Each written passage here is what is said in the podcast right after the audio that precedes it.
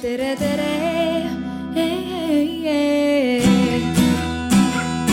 Eestimaa.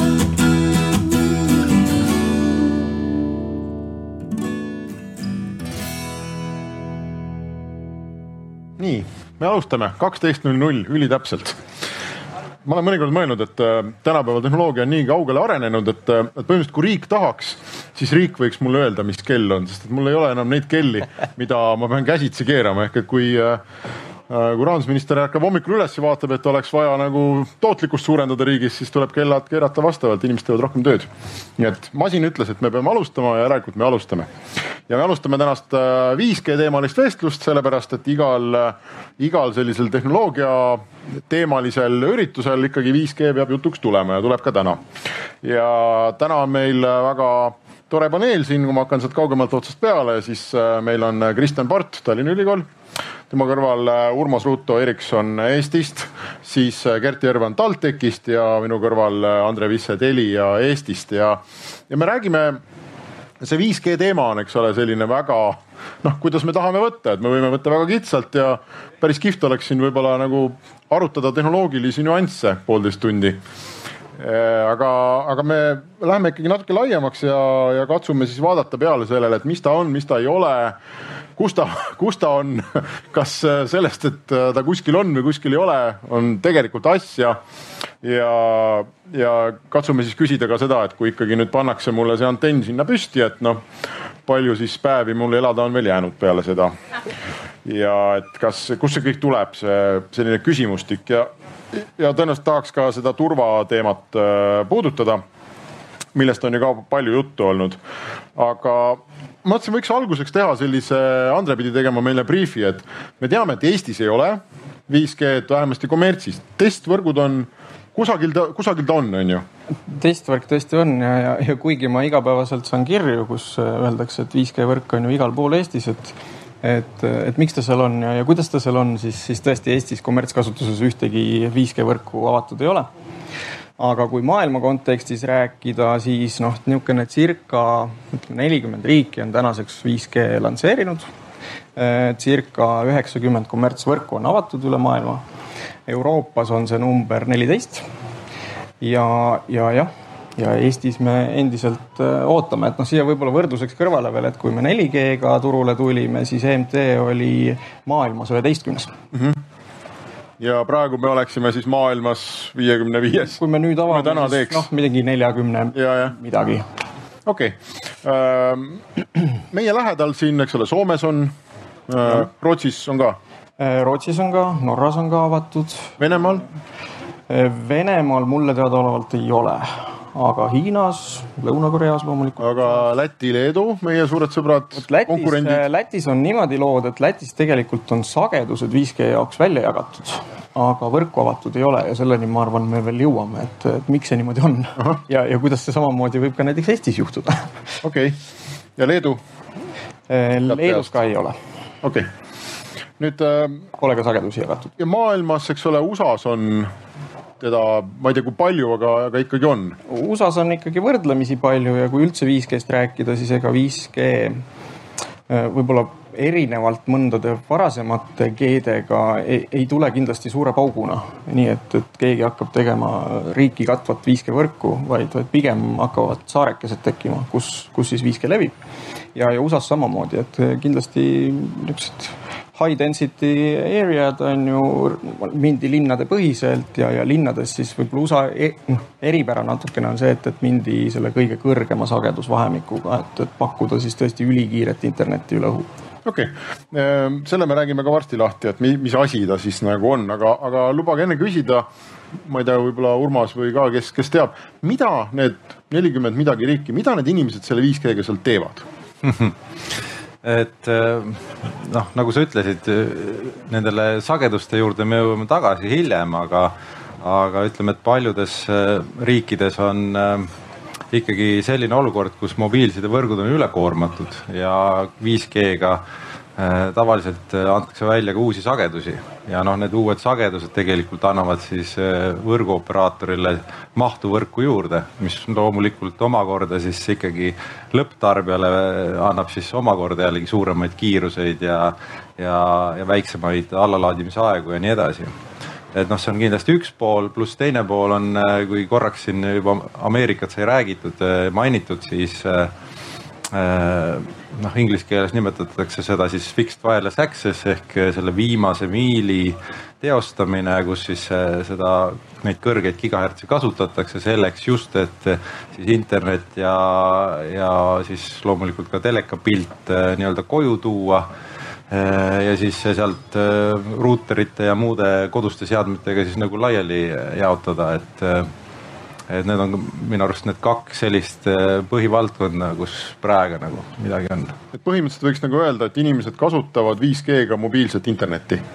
jah lõpptarbija vaatest küll jah, et kui me räägime äriklientidest ja, ja tööstusvertikaalidest, no siis läheb lugu nagu keerulisemaks ja teistsugusemaks natukene, aga jah, lõppkasutaja vaatest äh, on see kiirem mobiilne andmeside ja, ja fixed wireless access ja. või ütleme siis fiibri sarnane kogemus koduinterneti. ja noh, ma veel kord rõhutaks, et, et see on tänasel päeval, et noh, kindlasti tulevik on midagi muud aga no võib-olla sinna me jõuame, et mis need tulevikuteenused võiksid olla. kas mõnes riigis on, äh, ma nüüd toon nüüd näiteid, mida 5G puhul on toodud, et noh, et meil on 5G-d vaja selleks, et on ju kolm punkti ja no üks esimene asi on, ma küsin, kas mõnes riigis on äh, aukartust äratav hulk isejuhtivaid autosid, mis üle 5G võrgu piiks-piiks omavahel suurtel kiirustel liiklevad, nii et nad kokku ei põrka? no Eestis on ju kahes kohas juba sõidavad. 5G võrgus 5G võrgus ka kusjuures jah, TalTechi linnakus sõidab ja, ja Ülemiste City's sõidab. okei okay,, aga seda tänavapilti, et 5G võimaldab tohutul hulgal isejuhtivatel autodel turvaliselt liigelda, seda vist ei ole kusagil maailmas no. selleks puudub ka seadusandlik raam täna. okei okay., kas kusagil maailmas on äh, mõned näiteks tehased või haiglad või mingid muud sellised suuremad organisatsioonid ehitanud endale välja sellised privaatsed 5G võrgud ja pannud sinna suure hulga masinaid või roboteid, mis, mis, mis siis teevad äh, tööd, kas selline asi on olemas? On olemas ka jällegi maailmast näiteid, mitte suurel hulgal loomulikult, aga esimesed niisugused use case'id on olemas, et näiteks Rootsis äh, maa-alune kaevandus, äh, kus juhitakse siis äh, kaevandusseadmeid täitsa distantsilt. 5G-ga? 5G-ga, 5G võrk pandi sinna maa alla. Ja, ja see on küll privaatvõrk 5G ja, ja näiteks Norras allkirjastas Telia lepingu, hakkame ehitama metroo juhtimist üle 5G võrgu et jah, niisugused use case'id järjest tulevad, neid ei ole täna massiliselt loomulikult, sellest, sellest on väga vara rääkida mm. -hmm. kas teised noogutasite kõik, et soovite lisada põnevaid? ei, aga tähendab, ma, ma arvan, et siin ongi see põhikommentaar on see, et 5G on noh, nii-öelda inglise keeles enabler, võimaldaja. et kui seda võrku sul ei ole sa ei saa mitte midagi selle peale ehitama hakata. et kui võtame sedasama isesõitvate autode näite või mingisuguse muu äh, tööstus, äh, tööstusest tuleva näite, siis niikaua kui sul seda baastehnoloogiat paigas ei ole, sa ei saa selle peale mitte midagi ehitama hakata, nii et see on paratamatult, et äh, võrgud tuleb püsti saada selleks, et üldse tehnoloogiat hakata kasutama. ja see on, see on seis maailmas, et, et kuna 5G on tegelikult noh, kogu maailma kontekstis suhteliselt uus tehnoloogia, siis need use case'id, nii nagu Kandre ütles praegult, et nad hakkavad siin järjest tulema ja noh, siin on kindlasti vaadata ennekõike selliste riikide osas, kus nad ennekõike kiiresti tulid, näiteks Lõuna-Korea, eks ole, kus see tehnoloogiline valmidus on suhteliselt suur ja seal, seal need öö, asjad arenevad. kas äh,, kas see 5G ikkagi reaalselt äh, vot sellest on räägitud aastaid nüüd, eks ole, seda, see selline ootus on nagu üles ehitatud, et no vot, et tuleb 5G ja alles siis te hakkate nägema, kuidas võib üks, kuidas võivad asjad toimida, on ju, et no mis kõik hakkab olema ja, ja vot ilma selle 5G-ta me ei saagi nagu ikkagi pooli asju teha, mida me tahaks tulevikus teha, et jube vajalik asi on. igale poole paneme ta. kas, kas palju sellest nagu haip on ja kui palju sellest on nagu reaalne, et jah, et me tõesti istume täna ka Eestis, ootame seda 5G-d ja noh, põhimõtteliselt pool riigi arengut seisab selle taga, et noh, tuleks aga, et me ei saa midagi teha praegu. Ehm, ma kommenteeriks selle äh, poole pealt, et kui vaadata äh, globaalseid andmehulkade liigutamisi või noh, nii-öelda väga lihtsalt öeldes andmemahtusid, mis liiguvad üle, üle võrkude, siis seal toimub eksponentsiaalne kasv. See tähendab seda, iga aastaga toimub meil ühe suurusjärgu on rohkem andmeid, mis liigub läbi võrgu. ja, ja nagu siin ka varem äh, oli jutuks, et võrgud on täis et ühel hetkel tuleb piir ette, meil lihtsalt ei saa rohkem andmeid läbi suruda mm. -hmm. ja kui keegi tahab enda uute teenustega turule tulla, kus sul on vaja täiendavat andmemahtu, siis võid olla situatsioonis, kus praeguses võrgud lihtsalt seda enam välja ei anna. sellest poolest me saame aru, eks ole, et noh, et veelgi veel, veel kvaliteetsemad videod äh, Facebooki üles laadida või, et see on arusaadav, on ju. aga just see nagu kvalitatiivselt noh, mingi täiesti teine tase, mida me selle 5G-ga nagu ootame. noh, ma arvan, et siin võiks minna natukene tagasi ajalukku ja näiteks äh, ma ei teagi, läheme kakskümmend aastat tagasi, kui võib-olla meil veel ei olnud isegi 3G-d on ju. Siis oleks võinud küsida ju samamoodi, et äh, kas te seda mobiilset internetti üldsegi tahate. ja suurem osa inimesi võib-olla oleks öelnud, et jah, võib-olla. Mingisugused entusiastide grupp, kes ütleb ja, ja muidugi tahame, seda me ainult ootamegi ja noh, ütleme, et siis tegelikult ju käis plahvatuslikult eh, kõik see nutitelefonide mm. maailm ja kõik need rakendused, mis sinna peale on ehitatud ja mida me tänasel päeval tegelikult eh, suudame teha eh, nutitelefonide või siis kasvõi maakodust, ma ei tea, kodu, koduinterneti kaudu või mida iganes, et noh, et selles suhtes, et jällegi tehnoloogia võimaldab, kuidas seda hakatakse kasutama, missugused nii-öelda teenused, kasutuslood sinna peale tulevad, näitab nagu aeg. aga ei, ka selles mõttes ja ma olen ühest küljest sinuga nõus, on ju, aga vaata vähemasti see noh, ütleme see selline turundusjutt või haip või mulje, mis on ühiskonnale jäetud ja miks korraga nüüd noh, et esimesed 4G-d me elasime üle korralikult, on ju, ei olnud mingeid tohutuid rahvuslikke diskussioone selle üle ja mingit õudset jama. ja nüüd korraga 5G-ga on ja, ja see üks põhjus on, ma arvan, selles, et sellest 5G-st on jäetud mulje, kui et noh, et see on midagi muud, et üks G oli kõne, kaks G vaikselt noh, net hakkas selle Edge'iga midagi juba sai liigutada, on ju. kolm G oli selgelt mobiilne internet ja noh, 4G oli siis veel kiirem mobiilne internet, et see on selline selge nagu jada olnud, et iga G noh, tõi põhimõtteliselt tõi kiirema neti. ja nüüd, kui me võiks 5G puhul öelda ka, et noh, see on lihtsalt veel kiirem internet, davai punkt, lähme laiali, kõik saavad minna kohvi jooma ja ei pea meid kuulama. aga, aga see mulje, see, miks me räägime, on see, et on jäetud ju mingi mulje et ta ei ole nagu lihtsalt kiirem internet, ta on midagi, midagi midagi veel ja minu jaoks võib-olla see hype seisnebki selles, et, et seda 5G niisugust tag'i pannakse väga paljude tehnoloogiate külge ja, ja väga selgelt ei toodagi välja, et tegelikult see on see võimaldav tehnoloogia, mis võimaldab nendel use case idel areneda ja, ja innovatsioonil tekkida selle tehnoloogia peale. vaid justkui jääbki mulje, et see, see, see ongi 5G, et see isesõitev auto ongi 5G või see, ma ei tea, pakirobot, mis vurab tänaval, see ongi 5G. ei, see ise ei ole mingi 5G on ju et, et 5G annabki, loob võimalused tehnoloogia arenguks.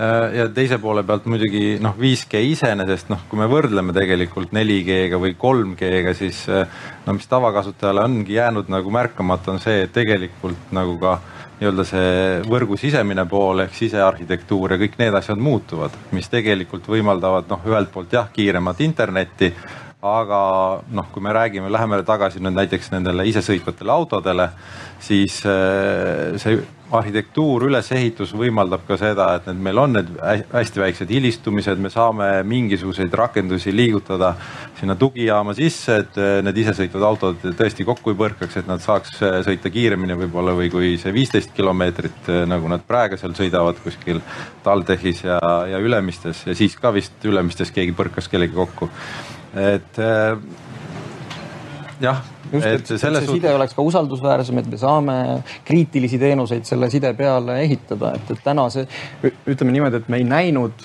4G-ga ette üldse selliseid rakendusi ja sellepärast ei ole ka 4G protokolli selliseid võimalusi ehitatud. 5G-sse on. ja ma tooksin siia veel ühe teema juurde, mis on see noh, jällegi niisugune inglise keeles on hea väljend nagu penetration, noh kui laialt on levinud. ja kui me läheme tagasi ajas, ma ei tea, viisteist aastat tagasi, eh, sellisel hetkel oli mobiiltelefon noh, ta oli seade, kommunikatsiooniseade ja väga vähesed inimesed huvitasid, mis seal taga tegelikult toimub. ta oli lihtsalt helistamiseks, ta oli tavapärase tehnoloogia viimine nagu natuke teisele tasandile. tänasel päeval on kõikidel inimestel olemas eh, kogemus kiirest internetist. Nad teavad, kuidas videod jooksevad, nii edasi, nii edasi. ja nüüd ongi see niisugune haip tekkinud mõned sellest, et nüüd saab veel paremini ja inimestel, kuna niivõrd laialdaselt on see tehnoloogia kasutusel, me kasutame seda igal pool, me kasutame seda, no ma ütlen lõpptarbija vaates.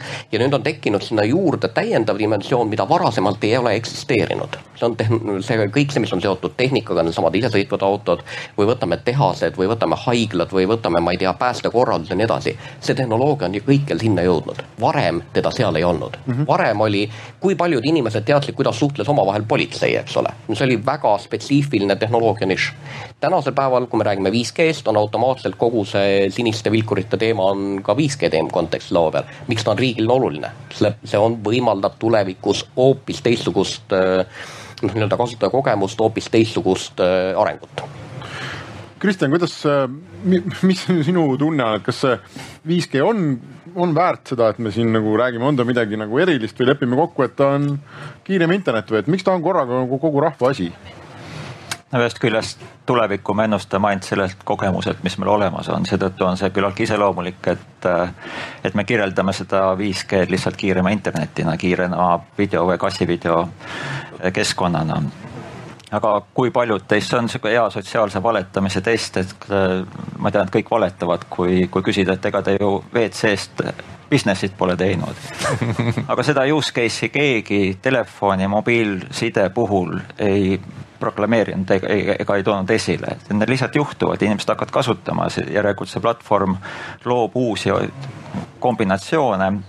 ehk nagu Gert ütles, ta on tegelikult niisugune äh, enabler, aga, aga noh, teisest küljest äh, iga selline uuendus, sellega kaasneb alati mingisugune risk. ja noh, et, et siis meil on nagu üks asi, mida me alati teame, on see, et, et risk, et ja kuna uus asi, et siis see risk on tohutu suur, kuna seda hirmu me saame hästi suureks teha, konkreetsed asjad on alati hästi väiksed ja me küsime, kui konkreetne see on. minu arvates me praegu võitlemegi sellise kahe kahe jõu vahel, et, et, et selline muinasjutulised ütleme kassivideo liikumised pluss siis see tohutu, ma ei tea, kiiritussõna taha peituv äh, problemaatika, et äh, et, et see on see 5G arusaam praegu, et ta tuleb meilt olemasolevast teadmisest ja ta on konstrueeritud äh, väga ettevaatlikult tuleviku poole. aga samas see konflikt tekib just sellest, et osa inimesi on tehnoloogiliselt nagu paremini ette valmistatud ja nemad loovad neid, eriti tööstus ka, loovad arusaami, et, et see on see disruptive innovation, et kui tõesti 3G-st 4G-le üleminek, siis tõesti natuke nagu kiirust tuli juurde, et see oli natuke nagu parandati aga nüüd luuakse tõesti võimalusi, mis on nagu põhimõtteliselt teistsuguseid olukordi tekitavad. Et see superautomaatika, mida me pole kunagi kogenud, et seda on väga raske ette kujutada, see on nagu muinasjutt ja siis muinasjuttu ei pea uskuma. et, et see on see minu arvates see hetkeolukorra, ma ei tea, siis skisofreenia ja, võib-olla lisades siia ja kommenteerides natuke Henrik ka sinu seda väidet, et, et eelmised G-d ei ole niisugust poleemikat tekitanud või niisuguseid hirme tekitanud, siis tegelikult meie telekomi operaatorina võime küll kinnitada, et on ikka küll. lihtsalt tänapäeval on sotsiaalmeedia, mis võimendab kõiki neid sõnumeid ülesse. oota, kui te 4G-d tegite, kas kuskil olid inimesed? olid täpselt samamoodi hirmunud inimesed, kes arvasid, et oi, nüüd tuleb järgmine jälle kiiritus äh, meile siia hoovi peale ja kas me ikka peame seda kõike tegema. jah, on alati olnud. no kiiritus on üks teema, aga, aga teine teema, mis selle 5G-ga väga tugevalt üleval on, on see just küberturvalisuse või isegi ma ütleks noh, ühiskonna kuni füüsilise turvalisuseni välja see teema, et, et on see väide, et, et, et erinevalt nendest eelmis, eelmistest G-dest, et see 5G kuidagi jõuab palju sügavamale meie eludesse. et ta, ta ongi nagu lõpuks igal pool, et et mitte miski ükski lind ei lenda, eks ole, ja kivi ei leba maas ilma selleta, et 5G seda võimaldaks kas no,, kas see on nii mõne aasta pärast? nagu me jällegi rääkisime, 5G iseenesest on üle müstifitseeritud, kui me paneme igale asjale nagu 5G tag'i külge. 5G on võimaldav tehnoloogia kas asju tuleb internetti juurde? ja see on fakt ja tuleb väga kiiresti ja, ja väga suurtes kogustes. see tähendab lihtsalt, et meie ümber on järjest enam igasuguseid vidinaid, mis kõik on internetti ühendatud ja see andmevahetus hakkab liikuma valdavalt üle 5G mobiilse andmeside aga kui 5G-d ei oleks, siis nad läheksid, noh, et siis see andmed liiguks üle, üle mingi muu asja. kas üle juhtme või üle 4G, aga mõte seal taga on sama. absoluutselt, et eh, võib-olla eilse diskussiooni juurde tulla, kus me rääkisime digitaalsest jalajäljest, siis ka, et ega arengule on väga raske kätt ette panna, see areng toimub niikuinii. me võime selle ühe tehnoloogia ära keelata ja öelda, et me nüüd ei tee 5G-d, areng toimub ikka edasi, leiab uue tee jõgi, jõgi leiab uue sängi. ma tooksin siia sellise väga primitiivse näite, et äh, see 5G ja noh, et äh, turvalisuse ohud ja nii edasi, see on umbes samamoodi, et kui võidelda autoõnnetuste vastu sellega, et keelame autod ära. sõidame kõik hobusega õnnetused toimuvad teistsugused, eks ole, aga, aga sellega sa ei lahenda nagu seda juurpõhjust, see turvalisuse temaatikas on lihtsalt nagu üks dimensioon kogu selles tehnoloogilises arengus.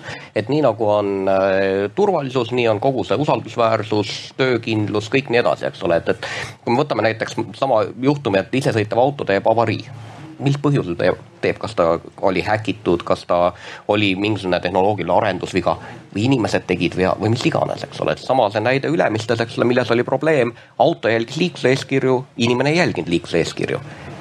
Aga seda võidakse väga kergesti näha seda, et tehnoloogia oli vigane, eks ole, ja sama asi on selle küberturvalisusega, ma arvan, et, et kindlasti me hakkame nägema palju intsidente sellest, et seadmeid on rohkem, ühendusi on rohkem ja kõik nii edasi, nii edasi.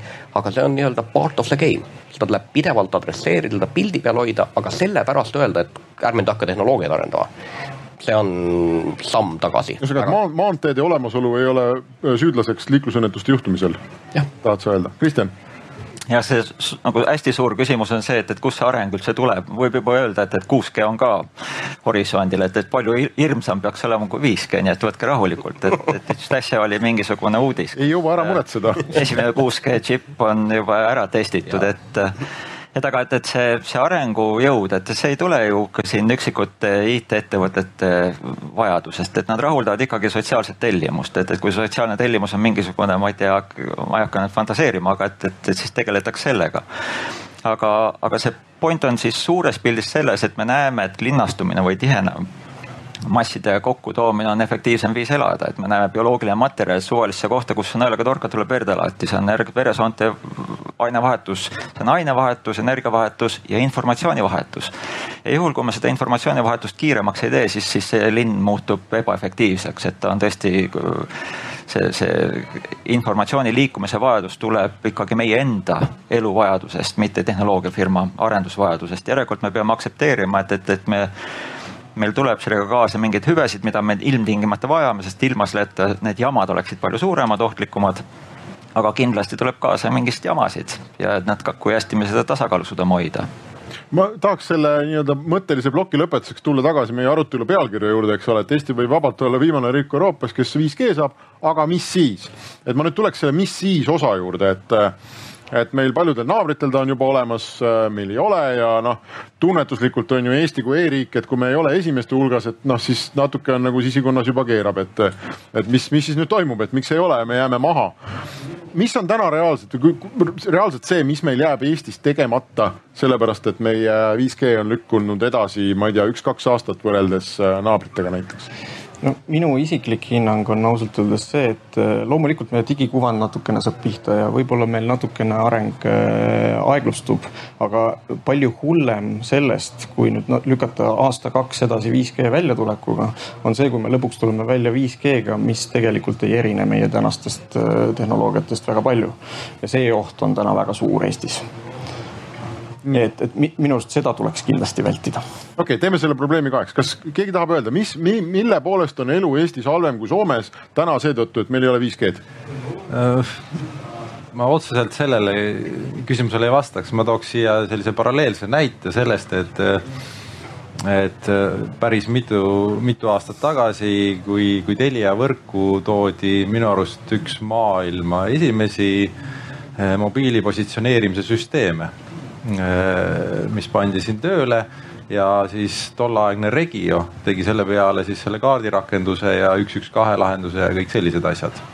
Äh, mida siis äh, hakati laias maailmas tegelikult müüma ja millest siis kasvas välja Reach-U, kes siis tänasel päeval globaalselt tegelikult toimetab nii et noh, mina tooks pigem sellise võrdluse, et eh, juhul, kui meil see on siin kohapeal olemas, see tehnoloogia, mida siis saavad eh, kohalikud ettevõtted, noh, inimesed eh, kasutada, arendada, siis see tegelikult võimaldab meil olla edukas ka mail, noh, globaalsel turul.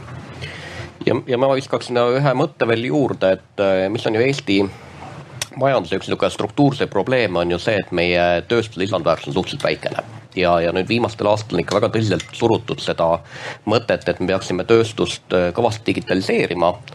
ja, ja mõneti on minu arvates tööstuses, me oleme samas seisus, kus me olime, ma ei tea, haridusasutustes kuskil viisteist, kakskümmend aastat tagasi või, või ka pangandusel või kus iganes, et, et meil on väga vähe ja nüüd küsimus on see, et järgmine samm, mis me teeme, kas me järgmise sammu teeme siia või teeme järgmise sammu sinna. ja, ja praegusel momendil, äh, mida ma näen ka väga paljude tööstusettevõtete puhul, on see, et võetakse kasutusele lahendusi, mis on, ma ei tea, Saksamaal näiteks kolm-neli aastat juba rõõmsalt töötanud, noh, nii-öelda järelproovitud lahendus kindlasti aitab asja edasi, aga me ei tee seda hüpet ja, ja ma arvan, et see, et kui meil oleks nüüd tehnoloogiline baas olemas, meil oleks äh, näiteks sama 5G võrgus teenused olemas, siis nii mõnedki ettevõtted teeksid sellest natukese suurema sammu ja läheksid nii-öelda tänasesse päeva, mitte eilsesse päeva oma digitaliseerimisega. ja see on noh, lisandväärtuse küsimus suuresti. magame maha teatud mõttes see tuleviku ettevõtluse, see, see võrdlus ei ole kuigi hea, et, et praegu Soome ja, ja, ja meie, et me võiksime öelda natukene dramatiseerida, öelda, et mis siis oleks, kui meil elektrit ei oleks ja soomlastel oleks. lihtsalt terve hulga tehnoloogia jätaksime arendamata, lõpuks elekter jõuab meile, aga me ainult ostame seda sisse aga praegu, kui meil oleks see tehnoloogiline enabler olemas, siis me tegelikult see tuleviku tehnoloogia või tuleviku turg, et me tegeleksime sellega juba praegu, seda esialgu startup ettevõtted on kasvanud suuremaks ja tõesti, et me ei pea seda vabrikutoodangut tegema, aga seda intellektuaalset toodangut me suudame teha, meie pead on samasugused nagu igal, igal pool, me lihtsalt riigina oleme väiksed.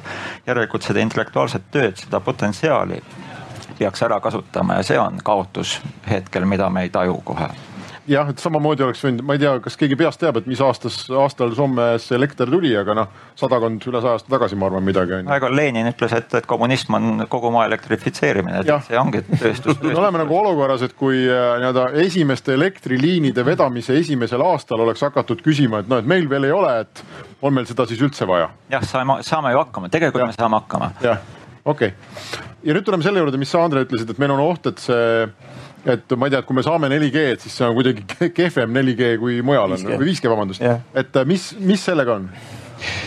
Ehm, sellega on selline lugu, et äh, selleks, et kvaliteetset 5G võrku pakkuda, on vaja sagedusressurssi.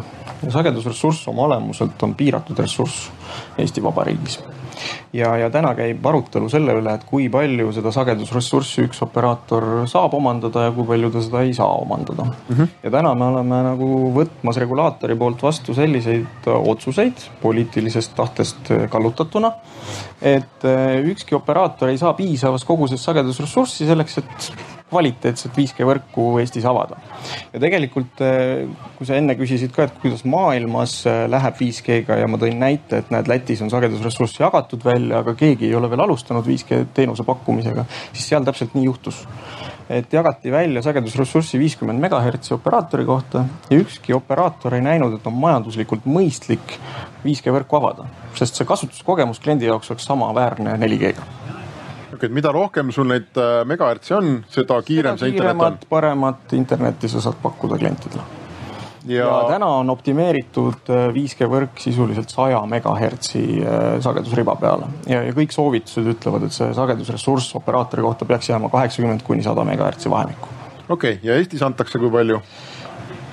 hetkel otsuseid veel ei ole, aga arutelu all on, et jagada viiskümmend megahertsi, nii nagu Lätis operaatori kohta ja siis, kui teie teeksite viiekümne megahertsi, Urmas, ma küll, temal on huvid mängus, ütle sina on seal vahet, kas teha kaheksakümne või viiekümne hertsi peale 5G võrk? meie kui tarnijad, noh, meil on ka omad huvid, eks. Te müüte igal juhul neile. aga me müüks igal juhul, et noh, selles suhtes jah, võib-olla meie huvi olekski, et kui oleks palju tegijaid, saaks paljudele müüa, onju.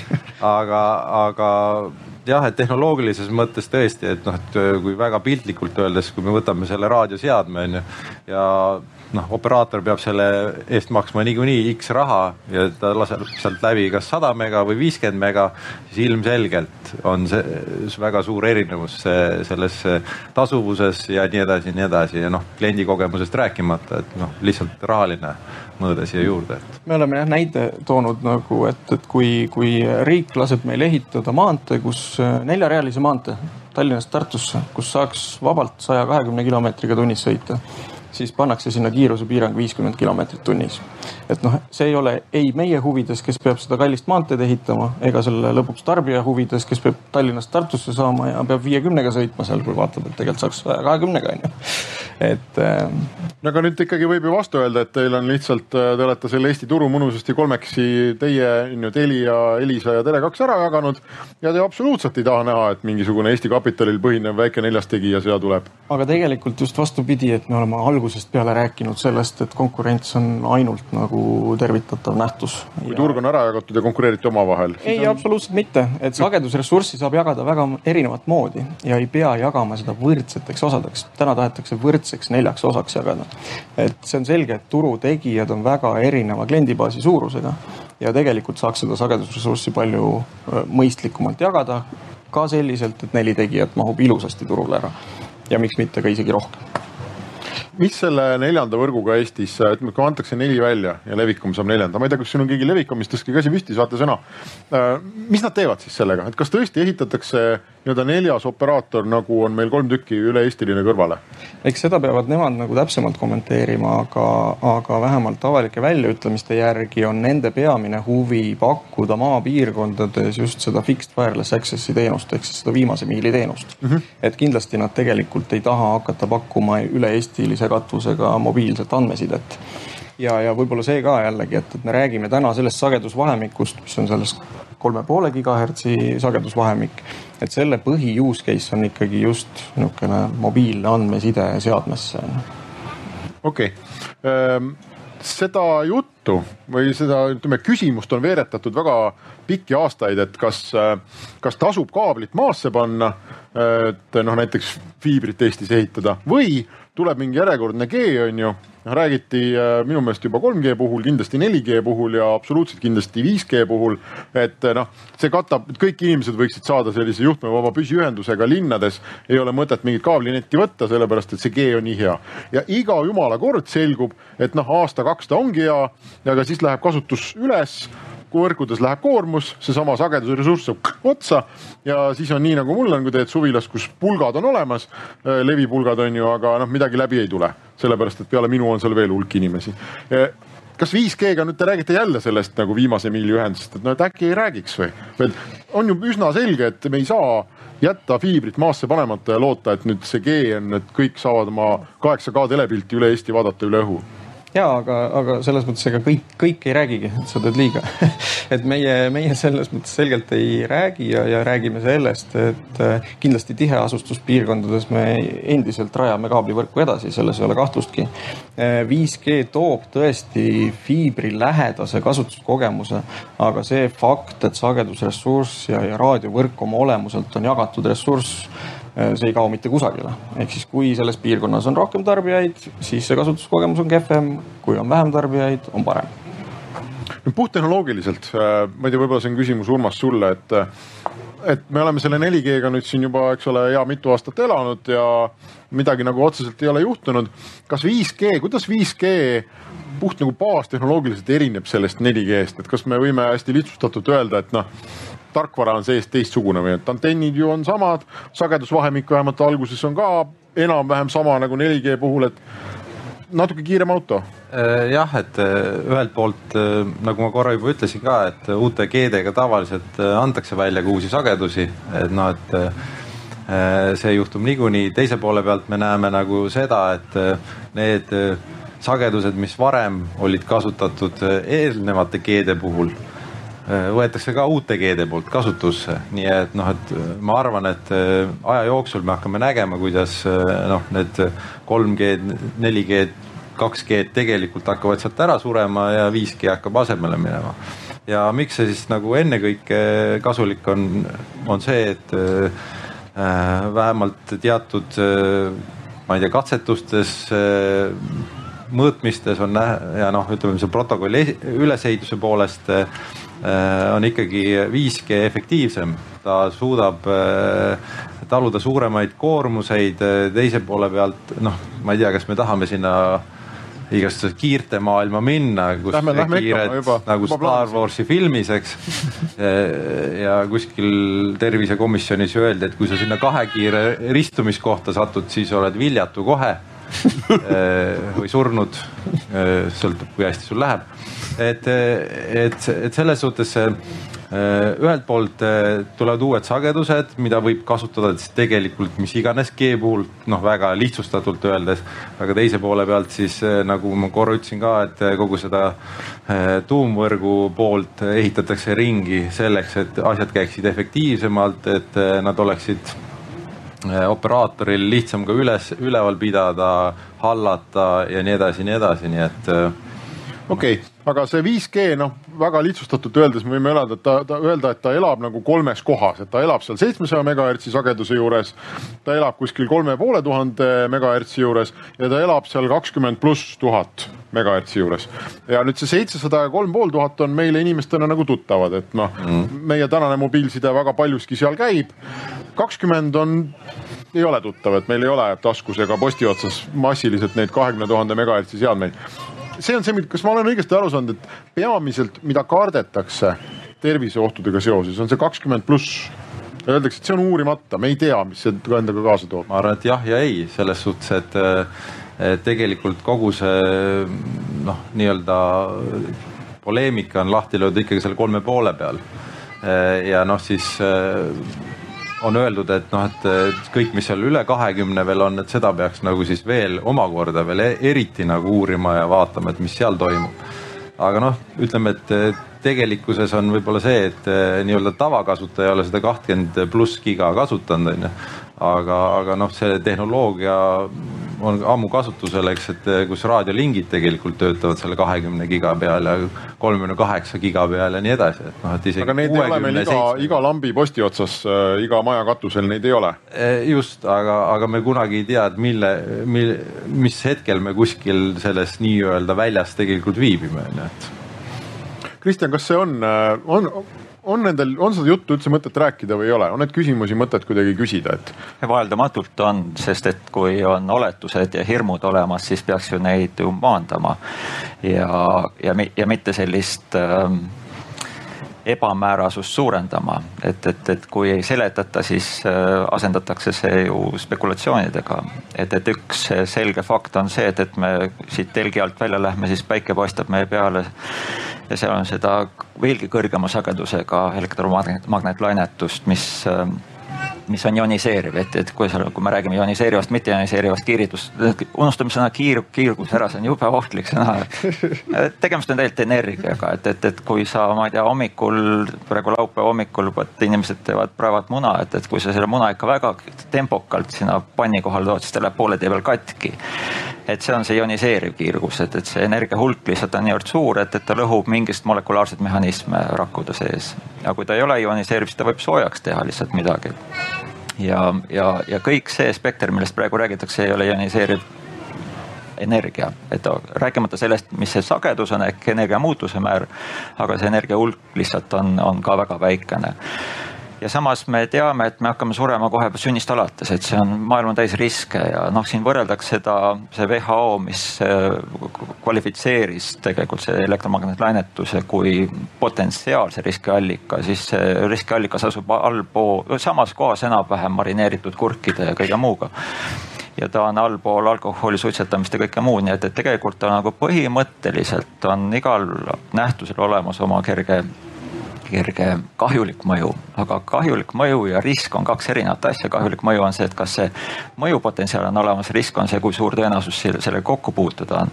ja noh, nüüd tekib see küsimus, et, et kui suur intensiivsus nendel äh, mastidel on, see on madalam kui see päikesekiirgus, mille käes me väga rõõmsalt oleme, maksame kõvasti raha ka, et, et päikese kätte sattuda ja näete, et selles vestluses tegelikult hakatakse kasutama ainult seda sõna kiirgus ja kiiritus ja, ja, ja sagedus ja, ja tuuakse neid üksikuid näiteid, mis on, keegi ei hakka kaugemale minema sellest üksikust üksikutest uuringutest, kus on rott paigutatakse väga tugeva kiirguse keskkonda ja seal avastatakse üksikuid äh, vähikoldeid ehk, ehk äh, mingit raku kasvu sellist äh, kontrollimatu kasv esineb. ääretult väikesed, emastel rottidel ei avastata, isastel avastatakse, no siis see on juba näide, et tegelikult, et järelikult ei ole väga ohtlik, järsku on isastel rottidel hoopis mingi muu mehhanism, mis seda tekitab. teiseks, need vähikolded olid äärmiselt väikesed, mis on peaaegu et sihukene random või juhu, juhu äh, protsessi tulem. aga näed, äh, pane see sõnum sotsiaalmeediasse ja räägitakse ainult, kuidas vähk tekkis, kiiritus oli, sagedus oli. ja nüüd me kohe sureme ära, siis luuakse tõesti Star Warsist või, või Star trackist tõesti nagu, et see kiiritus on tegelikult nagu suunatud, et see on mingi laser, mis kogu aeg sind taga ajab ja öösel sul, ma ei tea, südamesse või genitaalidesse on suunatud ja kui seal on kaks kiirt satuvad, et siis sa oled hommikuks praetud. et see antenn levitab seda lainet hoopis teisiti, aga keegi ei viitsinud seal füüsikatunnis istuda, et, et, et. kas sina äh,, kas sina võiksid südamerahus magada iga öö telefon padja all? ei sellepärast, et ta arvatavasti piiksub ja niuksub ja. okei okay,, aga puht sellepärast? põhimõtteliselt ja telefon on mul, mul tõesti, ma ei tea, võivad meetri kaugusel aga no mõtlen selle nii-öelda, sa ei mõtle, et seal midagi kogu aeg levib, suhtleb mastiga läbi sinu aju, et see on sinu aju on masti ja telefoni vahel, et see on kuidagi halb? rohkem kardan seda, et kui, kui, kui, kui ma ei tea, konservis on mingisugune asi halvaks läinud, kui mis tähendab, ma väga paanikas ei ole. tõstke käsi publikus, kes julgeb magada iga öö nii, et telefon on padja all.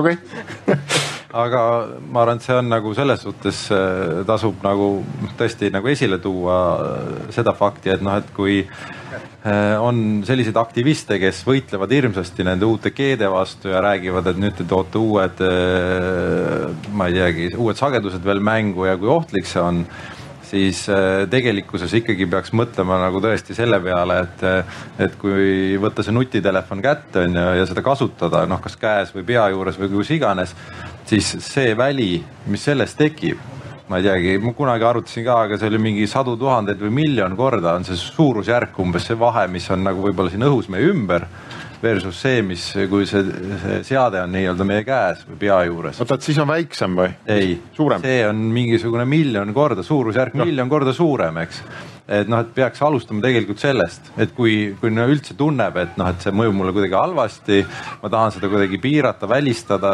siis esimese hooga peaks tegelikult välistama kõik äh, nutiseadmed. noh, tavatelefonid võib-olla nii-öelda rahuolekus piiksuvad vähem kui nutiseadmed, eks et, et noh, siis sellest johtuvalt peaks nagu oma käitumist muutma. aga kust see tuleb, see, see, see suur selline nagu hirm ja liikumine, et ma, ma enam-vähem, ma arvan, et ma saan aru sellest mehhanismist, et et noh, tõesti, et kuskilt hakatakse rääkima, on ju, ja jutt nagu levib ja levib ja levib ja lumepall kasvab ja, ja noh, siis teadlased annavad ka uuringuid välja ja noh, iga ala tänapäeval on piisavalt keeruline, et noh, päris lõpuni sada protsenti keegi ei ütle, et noh, null koma üks jääb sinna ikka või mingi üks protsent ja ja siis see asi nagu kuidagi kasvab.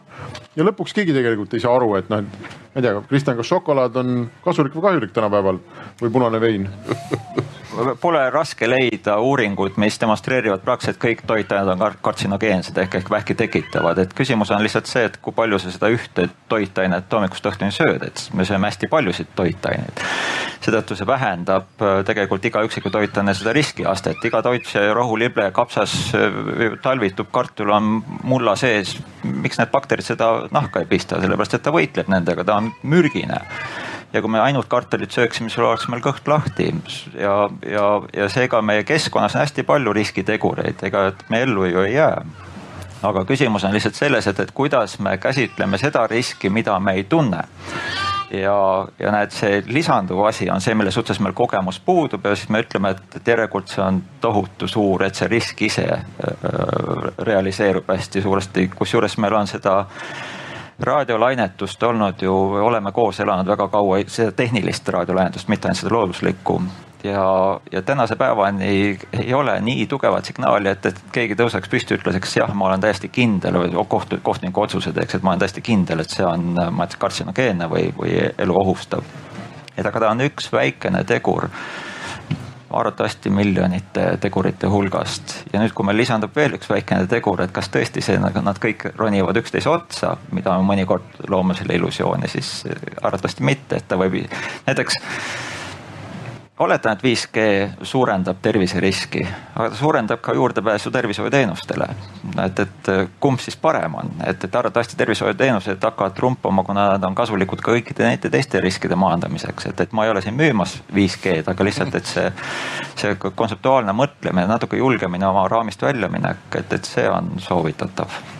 Kui palju see peaks üldse olema noh, teie inseneride, teadlaste maailma küsimus, et noh, et milline on mingi tehnoloogia nagu tervise mõju, kas see peaks olema faktor, ma ei tea, kas Gert te õpetate tudengitele seda, et noh, sa teed selle elektroonikakasti valmis, on ju, aga et nüüd sa pead mõtlema, et kuidas see inimesele füüsiliselt mõjub? ei, see on absoluutselt oluline teema ja sest, et äh, iga tehnoloogia kasutusele võtmisega on üks kõige olulisemaid teemasid on see, et kuidas ta mõjub lõpptarbijale või noh, kasutajale ütleme laiemas, laiemas kontekstis, see noh äh, ma arvan, et siin äh, selle 5G ja kõige selle teema juures hakkabki mängima just see äh, rolli, et meil tehnoloogia on tänasel päeval muutunud nii laialt levinuks et, et äh, jällegi oleme ajas mingisugune paarkümmend aastat või sada aastat tagasi tehnoloogia oli, mõjutas väga üksikuid inimesi või mõjutas meie kogu elust väga väikeseid sektoreid. tänasel päeval me oleme kogu aeg connect itud, me kogu aeg kasutame tehnoloogiaid, me oleme kogu aeg mingites seadmetega seotud ja, ja paratamatult see mõjutab inimest nii äh, selle kasutuse hetkel kui ka kaugemalt, eks ole.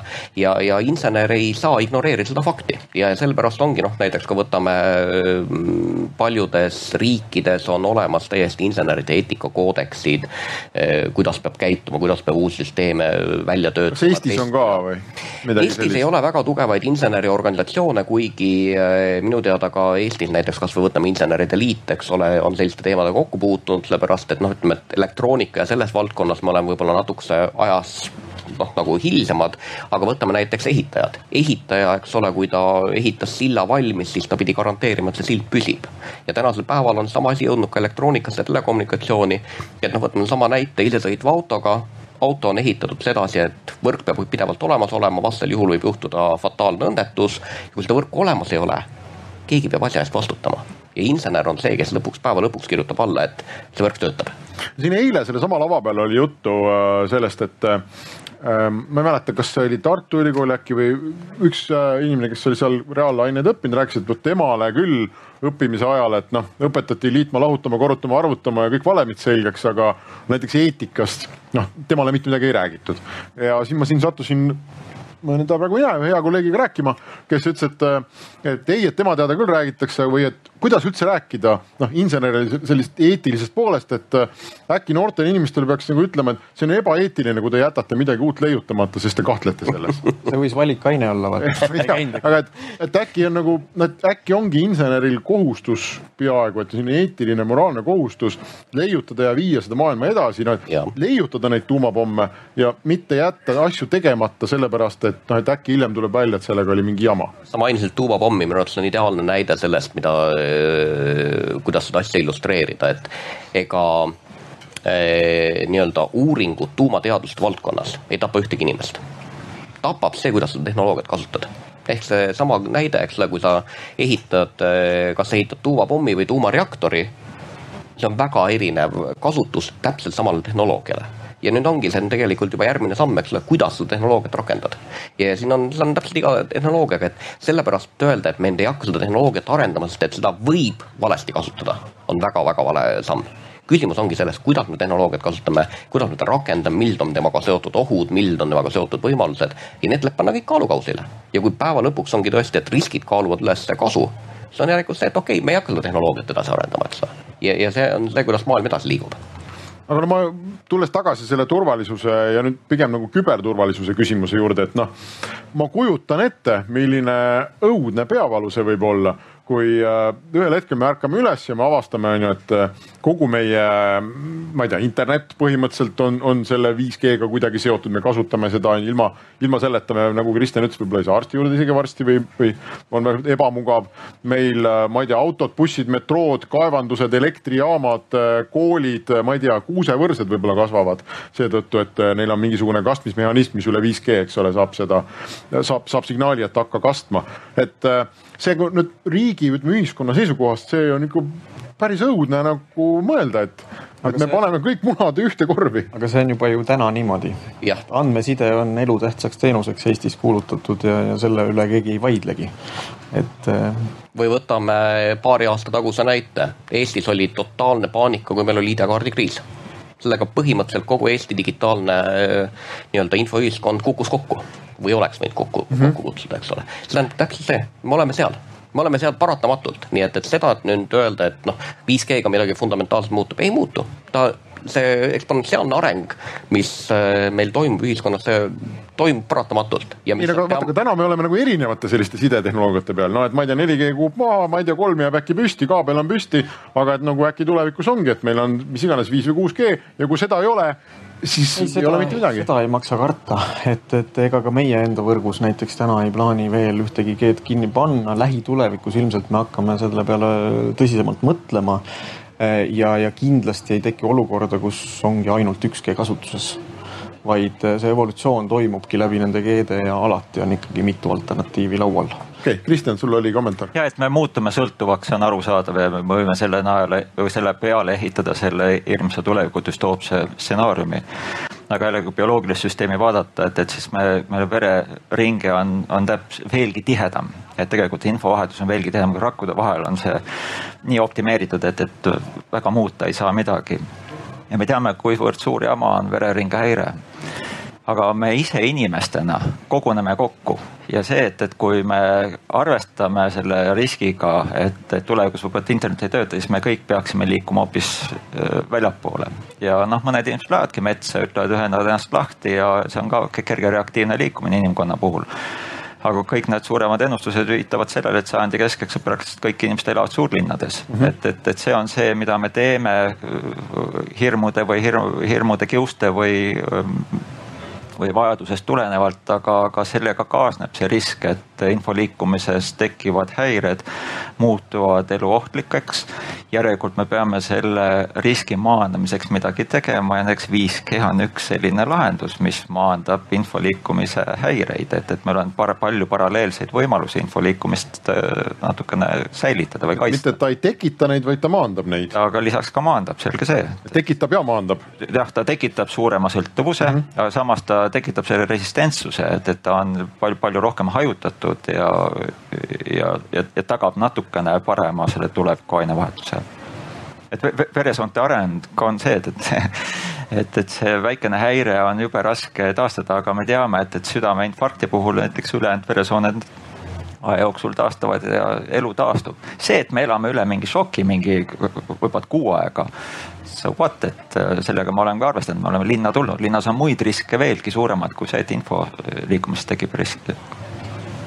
Äh, Urmas ma tahtsin lihtsalt lisada, et kui jutt oli sellest küberturvalisusest, siis noh, vähemalt minul on jäänud küll selline mulje, et iga G-ga tegelikult need nii-öelda võrgusõlmed lähevad turvalisemaks. selles suhtes, et neid kaitstakse rohkem ja rohkem, et võib-olla paarkümmend aastat tagasi võisid leida mingisuguste võrgusõlmede, ma ei tea, paroole kuskilt võrgust võib-olla, et mis on nii-öelda äh, need vaikimisi kasutajanimed ja paroolid on ju ja keegi ei olnud või, kunagi võib-olla vahetanudki ja nii edasi, siis noh, tänasel päeval see isegi ei ole mõeldav nagu juba tänase päeva äh, võrkudes.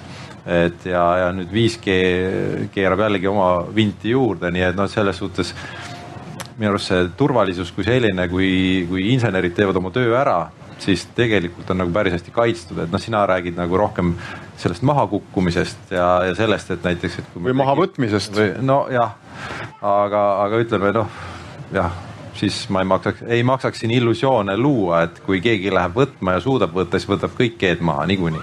ja pluss siis meil on suuremaid probleeme, ma arvan. absoluutselt. sel hetkel ähm, kui suur oht see on, et äh, me paneme siia mingid Huawei seadmed 5G võrku?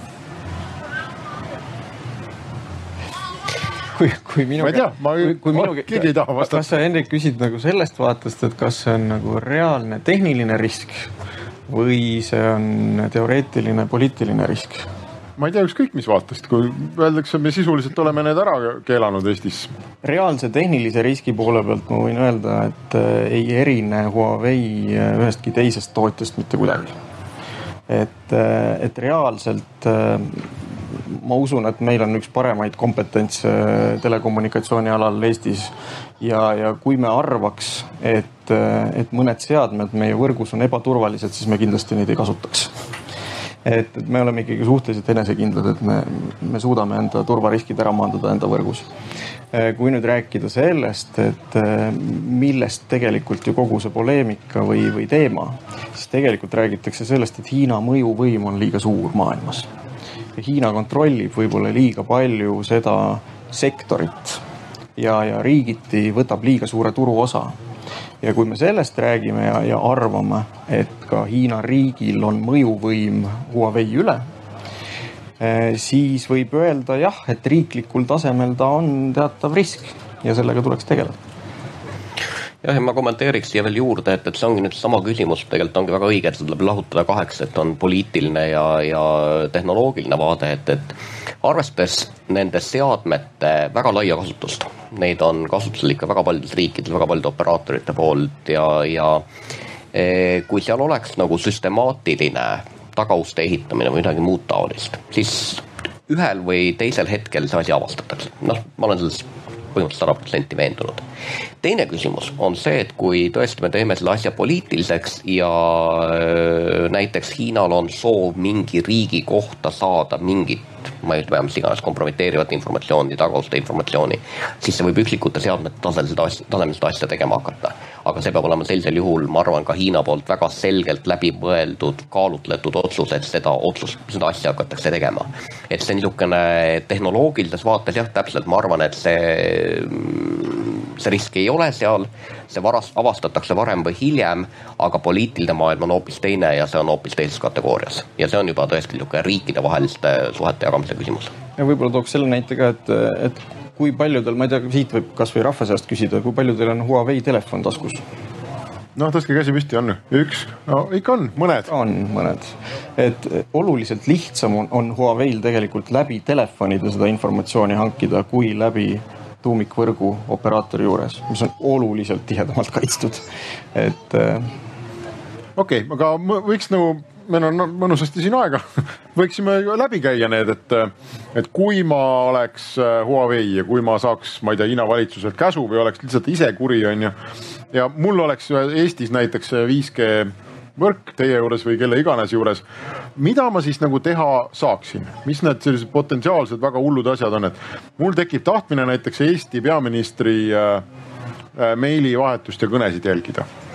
saaks teha tänasel hetkel tehniliselt võimatu kuidas võimatu, kõik on võimalik?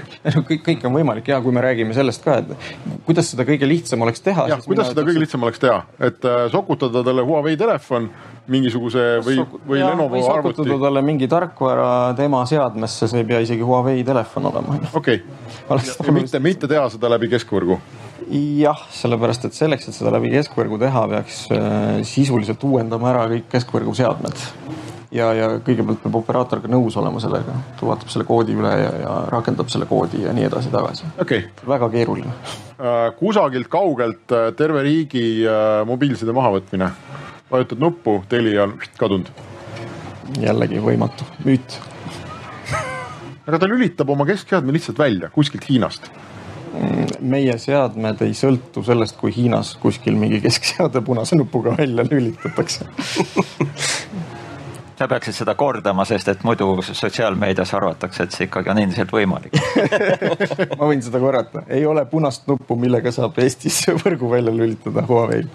kogu Eesti internetiliikluse nii-öelda äh, paralleelne salvestamine kuhugi Hiinasse, selleks, et kui krüpto tulevikus murtakse, saab seda lugeda näiteks kümne aasta pärast.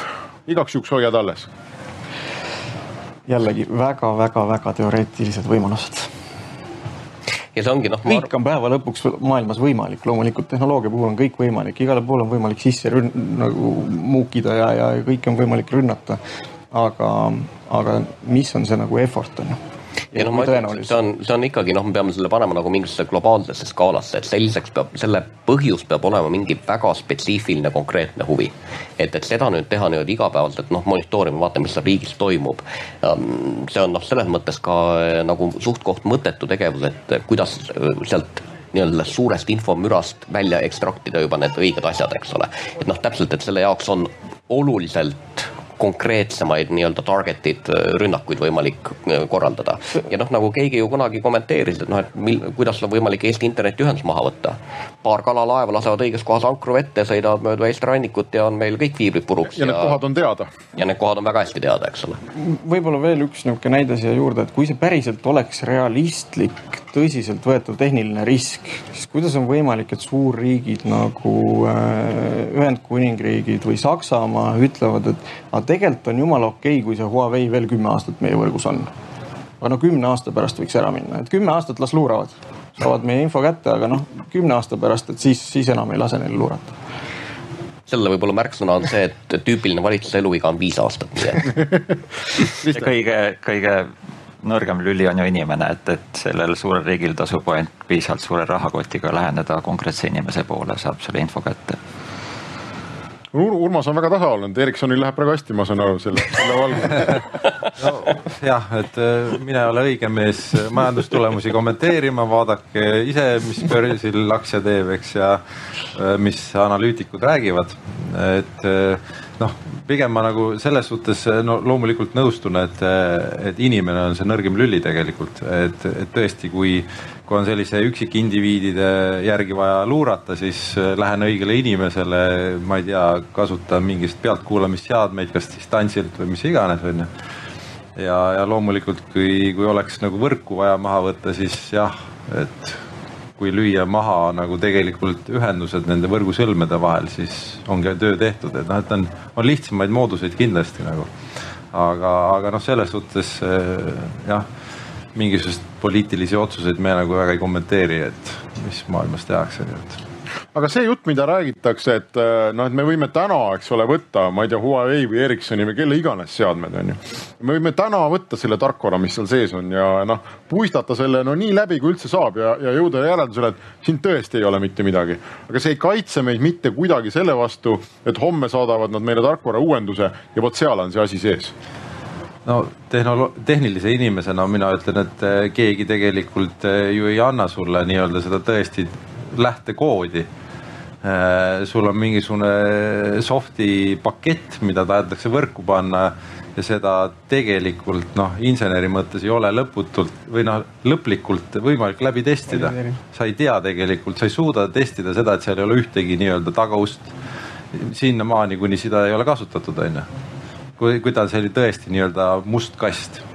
Äh, ja noh, kui me räägime väga üldistatult, ma ei räägi siin mingist, noh samamoodi Ericssoni tarkvara, sa ei suuda seda lõpuni läbi ja noh, kui me võtame veel selle dimensiooni juurde, et noh, et võib-olla tehakse kaks-kolm äh, upgrade'i aastas või koos update idega, et siis noh, tegelikult kunagi ei tea, et mis seal võrgus on, et sa peadki tegelikult seda äh, tarnijat usaldama ja nii lihtne minu arust see ongi.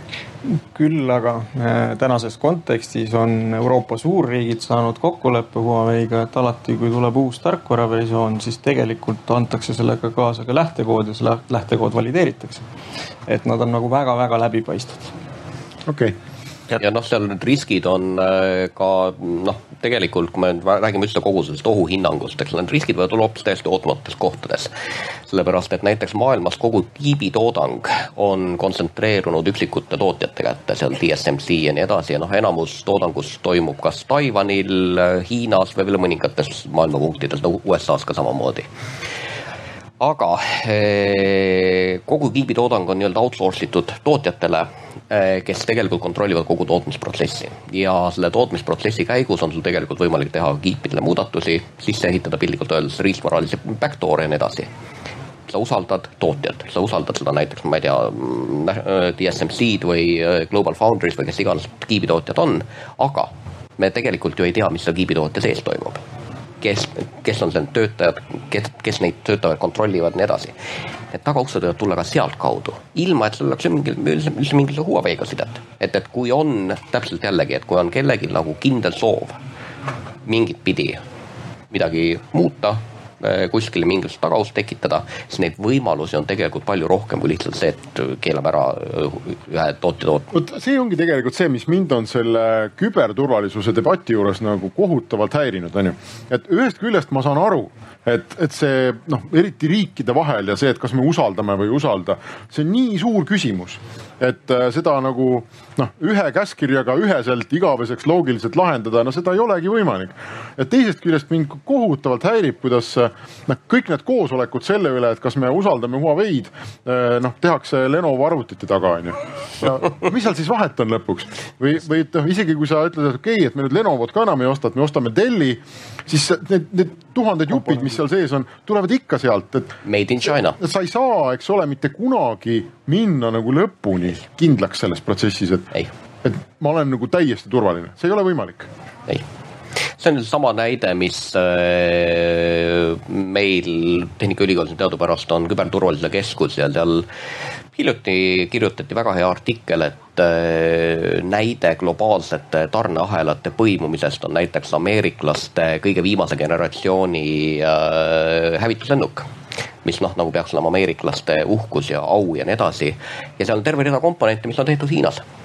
sellepärast, et see on see koht, kus on tegelikult nende seadmete tootmine ja noh, ameeriklastel endal tuli ka suure üllatusena, et oo, me kasutame hiinlaste komponente, aga see on reaalsus. see on tänase päeva maailma reaalsus, me oleme globaalsed, paratamatult nojah, ma vaatasin huvi pärast, et kui see Tiktoki äh, suur sündmustik arenes, siis äh, Tiktok on Hiina ettevõte, kuhu on muuhulgas ja päris suurelt investeerinud ka väga väärikad Ameerika riskikapitalistid, Venemaa, Jaapani ja vist olid veel mingisugused riigid. Äh, TikToki juht on endine Disney asepresident, puhas ameeriklane ja, ja noh, kõik see on nii läbi põimunud, et noh, hakata sealt mingit tükikest nagu eraldama ja ütlema, et, et see ei ole, ma ei tea, turvaline või et see on ainult sealt, et see, tundub täiesti võimatu kõik.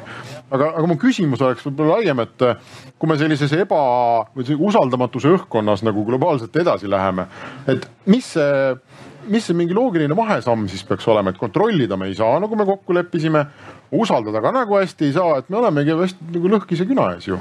et lõpuks me ei saa midagi kasutada Kristjan? lihtsalt eelmise kommentaari siiasamasse silla ehitamiseks on see, et, et arvatavasti kõige turvatum äh, süsteem on see, mida me peame praegu kõige turvalisemaks. sest just see tarneahela näide on see, kus sinna sekkutakse, kuna see, seda peetakse turvaliseks, tarneahelas muudetakse mingisugune komponent just kõige nõrgemaks ja kuna seda peetakse süsteemis turvaliseks, siis sealt see auk tulebki Mm -hmm. ja, ja, ja see sõnum on see, et, et ega me absoluutselt turvalisust ei saa tekitada, et, et me ei saa olla sellised, et me lihtsalt toetame arvuti peale, ütleme, et arvuti teeb meie eest kõik, et kui me ise endale vastutust ei võta või ega ei ole, ikka ei arvesta selle riskiga, et siis me oleme väga haavatavad, et me ise arvame, et, et see turvatunne asub meist väljaspool, aga see peab käima meiega kaasas, see on käitumise osa. et me arvatavasti joopleme ülejäänud loomade ees just selle ajuga, et, et mis peaks olema erakordne, aga selles küsimuses langeme täitsa loomulikul tasandil, et, et keegi teine peaks meile toitu tooma ja turvalisuse tagama. aga, aga niimoodi võib ju hulluks minna, me võime no, näiteks sinuga jah. vahendada üliturvalisi näiteks Eesti e-riigi mingit krüptitud noh krüptin oma faili ID-kaardiga, saadan sulle, sina teed lahti. meil on jube hea tunne, et me oleme väga turvaliselt oma salajast. keegi vaatab üle õla seda. keegi vaatab üle õla, sinu, tegelikult sinu järel võib spioneerida sinu arvutiekraan teoreetiliselt või klaviatuur või lambipirn või aknaklaas või ükskõik mis asi mm -hmm. sinu ümber ja kui sa niimoodi mõtlema hakkad, no siis sa näedki igal pool ju ainult õudust. ei, sa ei näe õudust, vaid sa näed seda, no jällegi see on see mõtlemise kultuuri küsimus, et, et kas sa elad selles binaarses maailmas, kus on, ei ole õudne ja on õudne või on lihtsalt madal risk või ääretult väikene risk, et. et selge see, et sa kõiki riske ei saa ju olematuks teha, riski olemus on see, et shit happens, et aga, et see, sa pead tajuma, et, et kus on see suurem ja väiksem risk ja mis siis juhtub, juhul kui risk realiseerub. vaieldamatult praegu arvatavasti ka keegi kuskilt toruga imeb meie riigi saladusi kuskilt kellegi abil võib-olla, et me teame seda, et me oleme lihtsalt valmis selleks ja me peame haldama neid riski realiseerumisi. vot ma arvan, Kristjan mainis väga õieti, et me peame olema valmis selleks, me peame teadma, see on juba kuskil niisugune viis pluss aastat on äh, maailmas näiteks riistvarasüsteemide ülesehitamise juures lähtutud sellest põhimõttest, kuidas ehitada usaldusväärset süsteemi mitteusaldusväärsetest komponentidest. ja see on nagu see põhiline kandev, et sa teadvustad endale, meil on riskid, meil on probleemid ja kui sa nagu paned selle suure pildi kokku, siis sa tead, et vot need on riskid, millega tuleb arvestada. kuidas teha imemaitsvat toitu mädanenud komponentidest okei okay,, see on juba ekstreem, aga aga, aga noh. Eh, tegelikult see toidu tegemise näide on väga hea, eks ole, on, võta lapsed, eks ole, ma ei tea, väga paljud lapsed ei söö porgandit paljalt või mis iganes kujul, aga kuskil toidu sees, supi sees süüakse ära, näed ja Islandil süüakse see mädanenud valeliha kaera hea meelega. Aga ühesõnaga siis tulebki, ongi see, et me peame arvestama, et mis iganes skeem meil on, mis iganes riigist see on. ma olen, Urmas, paranda mind, aga ma olen suht kindel, et ka teie kastikestes on Hiinas tehtud asju teistmoodi, teistmoodi ei saa teha, et te teete Hiinas oma kaste. ma arvan küll, et on jah, et äh, ma ei ole õige inimene vastama, aga. no kruvid ikka. midagi ikka sealt tuleb. midagi leiab, on ju. midagi sealt ikka tuleb jah. et, äh, et me ei jõua mitte kunagi nagu punkti, kus me saaksime niimoodi noh, teha nii, et töö on tehtud, on ju, paned mapi kinni ja ütled, nüüd on kõik, nüüd me oleme kindlad. see ei ole võimalik see ei ole võimalik kahjuks. see on see näide toodotest, need kuskil seal Austraalia külje all kunagi Cooki poolt avastatud saarekese peal olnud linnud, mis ei olnud kunagi kokku puutunud selle suure ebameeldiva inimesega. inimene läks, vaatab nii sinisilmsed või lihtsameelsed loomakesed, tapsid nad lihtsalt ära. This is it, kõik, klips läbi, pole neid enam. ja neid leiti ka Oxfordi ülikooli ajaloomuuseumist ja arvati, et ei, ei, see ei saa päris loom olla, et, et ja siis põletati ära, arvati, et see on sellel ajal tehti neid. mingi nali või? ja, ja tehti nalja, ja nüüd meil on ainult joonised alles. lind liiga palju usaldas maailma. Olgu, meil on natukene aega, ma hea meelega võtaks oma selle pallikese ja viskaks publikule, kui on küsimusi. iga jumala kord on olnud. alguses keegi ei küsi ja siis üks küsib ja siis hakkavad kõik küsima. ma võiks. Äh, see võiks auhinna välja. oli, kas ma nägin kellegi kätt või? ei, ei näinud jah. aa, seal taga, aa seal ka. seal ka. teeme siit keskelt kuidagi, kuhu ma nüüd selle viskan? teeme, keegi on vahemees, sina kaabuga nii, tere. mina olen tavaline nutitelefoni kasutaja ja lihtsalt siin mingi aeg oli niisugune lause, et 6G on ka arendamisel, et kas oleks võimalus nagu 5G vahele jätta ja otse 6G teha? kas see on parem? et mis see plussid minu, kas on üldse mõeldav? 6G on äärmiselt eksperimentaalne praegusel momendil Eestile kõige lähemalt Oulus Soome VTT tegeleb 6G arendamisega, aga see on, ütleme niimoodi, et see on niisugune laboritasemel asi praegusel momendil ja, ja ma arvan, et keegi ei oska veel väga täpselt ennustada, mida konkreetselt 6G endaga, endast hakkab kujutama. et, et ta on niisugune tüüpiline evolutsiooniline areng, et kindlasti võrreldes 5G-ga on ta samm edasi, aga ma arvan, et selleni, kuni ta turule jõuab, kulub viis pluss aastat vähemalt. ja huvitav on see, et seda kirjeldatakse praegu taaskord kiiruse kasvuna, mitte midagi muud. parem 5G, jah, kiirem 5G aga no see, aga samas see on üks asi, milles me ilmselt võime kindlad olla, et noh, uued sagedused, suuremad kiirused. et ega seal ju noh teistpidi bitid ju olema hakka. kindlasti ka midagi fundamentaalselt teistsugust. Okay.. aga üks põhimõtteline siiski šanss on, et, et maailm ei ole mustvalge, et, et see, et, et kui, kui vana meil võrgustik oli tänu Nõukogude ajale ja siis me tegime suhteliselt suure hüppe edasi just seetõttu, et, et me olime liiga vana Aafrikas samamoodi, et, et mindi mobiilsidele suhteliselt kiiresti üle, kuna ei olnud teist seda vahepealset traadi vedamise võimalust äh, ära kasutatud. nii et teatud mõttes, kui me tõesti kavatseme jääda sealt viimasesse vagunisse ja selle ennast lahti ühendada. Lähme kohe kuue peale jah ja.? siis meil ei jää muud üle, siis meil, aga see on tänapäeva maailmas on suht vähetõenäoline. jah, ja esimene 4G võrk avati Eestis kaks tuhat kümme aastal, nii et noh 4G, 5G vahe oli kümme aastat, noh, me võime siis arvata. kõikide, kõikide G-de vahe. on kümme aastat olnud tegelikult. suurusjärk. suurusjärk jah, pluss-miinus mõni aasta ainult. Mm.. Eesti oli millegipärast ainult 3G-ga maas. Muust maailmast see on ligilähedane, ma hakkasin mõtlema nagu mängukonsoolidele, et seal on vist natuke vähem kui kümme aastat, aga selline seitse pluss on kindlasti see põlvkonna, põlvkonna vahe, nii et äh, kui tuleb Playstation kuus, siis tuleb ka 6G hoidke silmad lahti. seal oli veel küsimusi, andke mikrofoni edasi.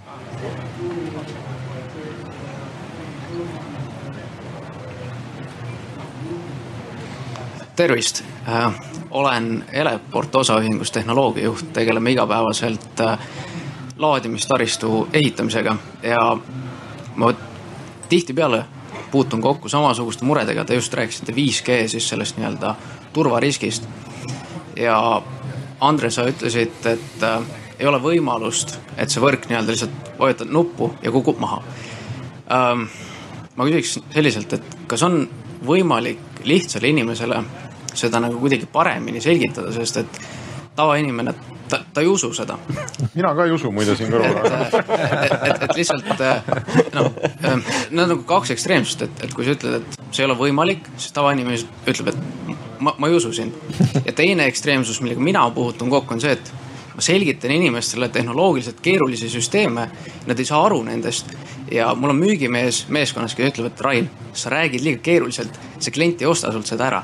ja mm -hmm küsimus oleks nagu selles, et kuidas leida see kuldne kesktee, et ta ei oleks nagu liiga lihtsustatud, et ta ei oleks ka tehniliselt liiga keeruline. et inimesed saaksid aru, et see tehnoloogia ei ole nagu üldse nii halb. et kas te oskate pakkuda mingisuguse hea lahenduse, et see kuldne kesktee leida? et selliselt, et inimesed ei peaks netis kommenteerima siis neid nii-öelda riske, et, et et, et tuleb vähk ja mis iganes, et kas on mingisugune hea lahendus sellele? No nüüd küsimus läks natukene laiaks, aga ma proovin ma proovin just sellest vaatenurgast, et, et ei ole ühtegi telekomi operaatorit täna Eestis, kelle kõik seadmepark oleks ainult Huawei oma. et kui rääkida sellest, et ühest nupuvajutusest saab terve interneti Huawei kinni keerata, siis ei ole sellist. oot, ma korra segan, aga vist ei ole ka teistpidi, et ei ole ühtegi operaatorit, kellel ei ole ühtegi Huawei asja ehm,. On kõigi eest ei saa rääkida. selle kohta ma ei tea. Kõigi eest ei saa rääkida jah okay. Ehm,. siis teine asi, ka seda vähemalt meie oleme enda võrgu üles ehitanud hajusarhitektuuril põhinevalt. nii et meil ei ole ühte keskset punkti, mida rünnata. ehk siis see rünnak peaks olema nii filigraanselt üles ehitatud, et võetakse maha väga oluline osa meie infrastruktuurist korraga. mis teeb selle juba väga-väga keeruliseks. ja jah, võib, võib-olla need kaks asja. et ma ei tea, kas see vastas su küsimusele või? ma pigem soovisin teada seda, et, et kas on mingisugune noh kuidas nagu selgitada lihtinimesele neid riske, mis tehnoloogia pakub, et mitte liiga lihtsustada ja, ja, ja äh, ma kommenteeriks võib-olla selle poole pealt, et seal on, vot see ongi see, et need riskid jäävad alati alles. aga küsimus on see, et kas see tehnoloogia annab meile niivõrd palju midagi juurde, et me saame hakata neid riske nii-öelda aktsepteerima noh, riske, riskid jäävad ülesse. ja, ja see on sama küsimus, mis väga paljude teiste asjadega, et noh, näiteks sama võib-olla triviaalselt võttes see autode näide, et autod on ohtlikud samas maantee peal sada kümme kilomeetrit tunnis kihutav kahetonnine metallrakett on väga-väga-väga ohtlik asi aga kõik kasutavad seda sellepärast, et autost saadav kasu kaalub üles need riskid, mis me sellega seostame. ja ma arvan, et mis iganes tehnoloogia me võtame, me peamegi jõudma selleni, et inimestel tekib see nii-öelda see positiivne elamus, et ah, ma saan sellest midagi sellist et okei okay,, ma olen valmis aktsepteerima, et seal on need riskid, et noh, ma ei tea mm,. võtame niisuguse näite, võib-olla Eestis on, eks ole, meil väga tavaline on hoida terviseandmeid digiloos, digitaalselt. Lähed Saksamaale, ütle, kuulge, paneme terviseandmed digiloosse, nad kukuvad pikali, ütlevad, see on kõige hullem asi, mis sa võid välja mõelda, sest see on täielik privaatsuse kadu, eks ole, ja nii edasi. meie oleme selle aktsepteerinud, sest me näeme sellest kasu ja me oleme seda nagu isiklikult kogenud, lähed arsti juurde, andmed jooksevad kokku, kõik on korras. et, et ma arvan, et ka siin näiteks, kui võtame siin konkreetselt 5G puhul, et kui meil tekivad need nagu niisugused edulood, et me näeme, et sellest tehnoloogiast on reaalne kasu, vaat siis hakkavad inimesed asja ostma. aga selleks on vaja neid positiivseid lugusid üks on ka see, et inimesed peavad olema, noh, me näeme, et erineva ettevalmistusega inimesed, et, et esimese klassi lapsele sa pead ühtemoodi seletama ja vanema klassi lapsele sedasama asja natuke teisiti seletama, et, et see, meil ei saa olla ootust, et me ühiskonnas või kultuuris suudame täpselt samamoodi seletada kõigile sedasama keerukust, et, et teatud kogemus peab ka sellel vastuvõtjal olema. Ja võib-olla just see kontiinum tekib sellest, et erinevad inimesed seletavad sedasama asja erinevate külgede alt, et ei saa olla üks punkt et see on see ülikooli probleem, see on haridussüsteemi probleem üleüldse, et kõik ei saa viisi, et osa saavad kahed ju sealt äh, koolist välja minnes. et, et see, see kultuuri levik võtab aega ja natukene peab ka valus olema, et, et paratamatult, et. pluss nende riskidega on see, eks ole, et me tihtipeale tehnoloogiat kasutusele võttes, me asendame ühed riskid teistega ja noh, lisaks sellele kasule, mida Kert mainis, et noh, tüüpiline näide on, mida ma olen ise pidanud seletama, et inimestele, et et kas sa hoiad oma fotosid äh, oma arvuti kõvakettal on ju või oma telefonis või pilves. ja mõlemat pidi on riskid eks, ja, ja siis sa võid kaaluda, et noh, et kui, ma olen alati kasutanud seda, kui tõenäoline on see, et sina oma telefoni või läpaka hilisel õhtutunnil taksosse unustad. ja kui tõenäoline on see, et Google unustab taksosse oma andmekeskuse et noh, seal on vahe, on ju. ja et järelikult nagu ma hindan seda, seda riski, et mina unustan oma fotod kuhugi suureks ja pigem seda riski, et Google unustab mu fotod kuhugi väikseks. Aga, aga noh, aga tekivad mingid teised riskid, eks ole, pluss need mugavused. ja see on iga, iga tehnoloogiaga niimoodi. no puhtalt seletamise mõttes tuli meile Richard Feynman, et sihuke väga erakordselt särav isiksus. tema ütles, et juhul kui sa ei oska seletada, siis sa ei saa sellest ise ka aru. et see ei olnud kriitika sinu suhtes, aga see on see kriitika meie kui kogukonna suhtes, et meie enda jaoks on see ka piisavalt nii keeruline, et alati osatakse küsida see laps, see lapse õhtune küsimus, aga miks, aga miks, aga miks. et, et, et ega me ei suudagi kõigile vastata. Ja võib-olla me peame julged ütlema, et, et ma seda ei tea, et, et elame selle riski koos üle mm. -hmm. seal, jaa, palun ja üks väga praktiline küsimus selle päevateema kohta, et, et mis kuupäevast siis Eestis on 5G saadaval või, või kui, kuna ma olen Telia klient, siis ma küsin konkreetsemalt ka, et mis kuupäevast Telia võrgus on 5G saadaval? selle küsimuse peab vist esitama sinna üle, üle sinna telki, seal, kus poliitikud räägivad. aga mis on sinu parim hinnang? Minu parim hinnang, kuna jällegi ma ei taha enda sõnu süüa sest seda on nii korduvalt edasi lükatud, ümber muudetud, ümber otsustatud, et äh, kõige parem hinnang on see, et kindlasti järgmise aasta jooksul. aga paremal juhul ka selle aasta jooksul. ja kas Paides või mujal esialgu?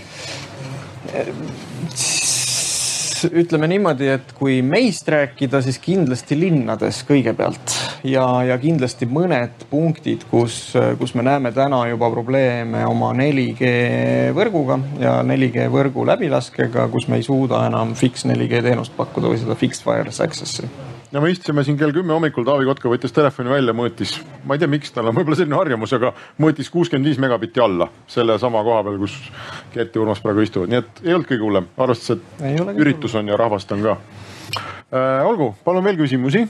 Meil on natukene aega, kui on huvi. nii sihuke lihtrahva küsimus. siin räägiti kiirgusest, vahepeal kiiritusest.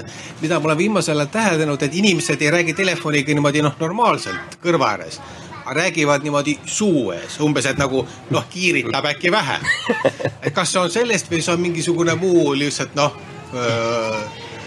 uue aja mood see on uue aja mood ja see on rohkem kiiritatakse seda sõnumit kui, kui elektromagnetlaine. muide, mina teen, ma võin öelda täitsa praktilise põhjuse, miks mina seda tihti teen, on see, et ma ei tea, kas see on minu Samsungi eripära või mitte, aga ta läheb soojaks, kui ma räägin, mulle ei meeldi see. Mulle tegelikult ei meeldi ka see, et minu arvuti läheb soojaks, ma tahaks, et noh, see on ebameeldiv lihtsalt ja, ja siis kuidagi on parem, et ta saab rohkem õhku jahutus on parem, see on minu isiklik põhjus, miks ma seda teen. ega paljud on tõesti tänaval käivad, et see on natuke nagu moeküsimus ka et.... võib-olla küll jah. ja see on ka, ma olen vaadanud, see on ka kultuuriline küsimus, sellepärast et äh, juba mitu aastat tagasi ma avastasin, et näiteks äh, Indias väga paljud inimesed mm -hmm. rääkisid just sellisel moel. see tuleb Aasia poole pealt. jah, see tuleb Aasia poole pealt. seal muidugi hästi palju kasutatakse ka video, videokõnet. videolink on üks põhjus jah. just et, et see oli, Eestis oli see veel tol hetkel nagu noh, kogematu põhimõtteliselt mm. -hmm. väga hea, lähme praktiliste küsimustega edasi, on kellelgi vaja abi paneel on laval, võime hea meelega vastata. kui ei ole, siis ma arvan, me võime otsad kokku tõmmata siin. et ei hakka punnitama ka, ei ole jah? selge, olete vabad, aitäh kõigile aitäh.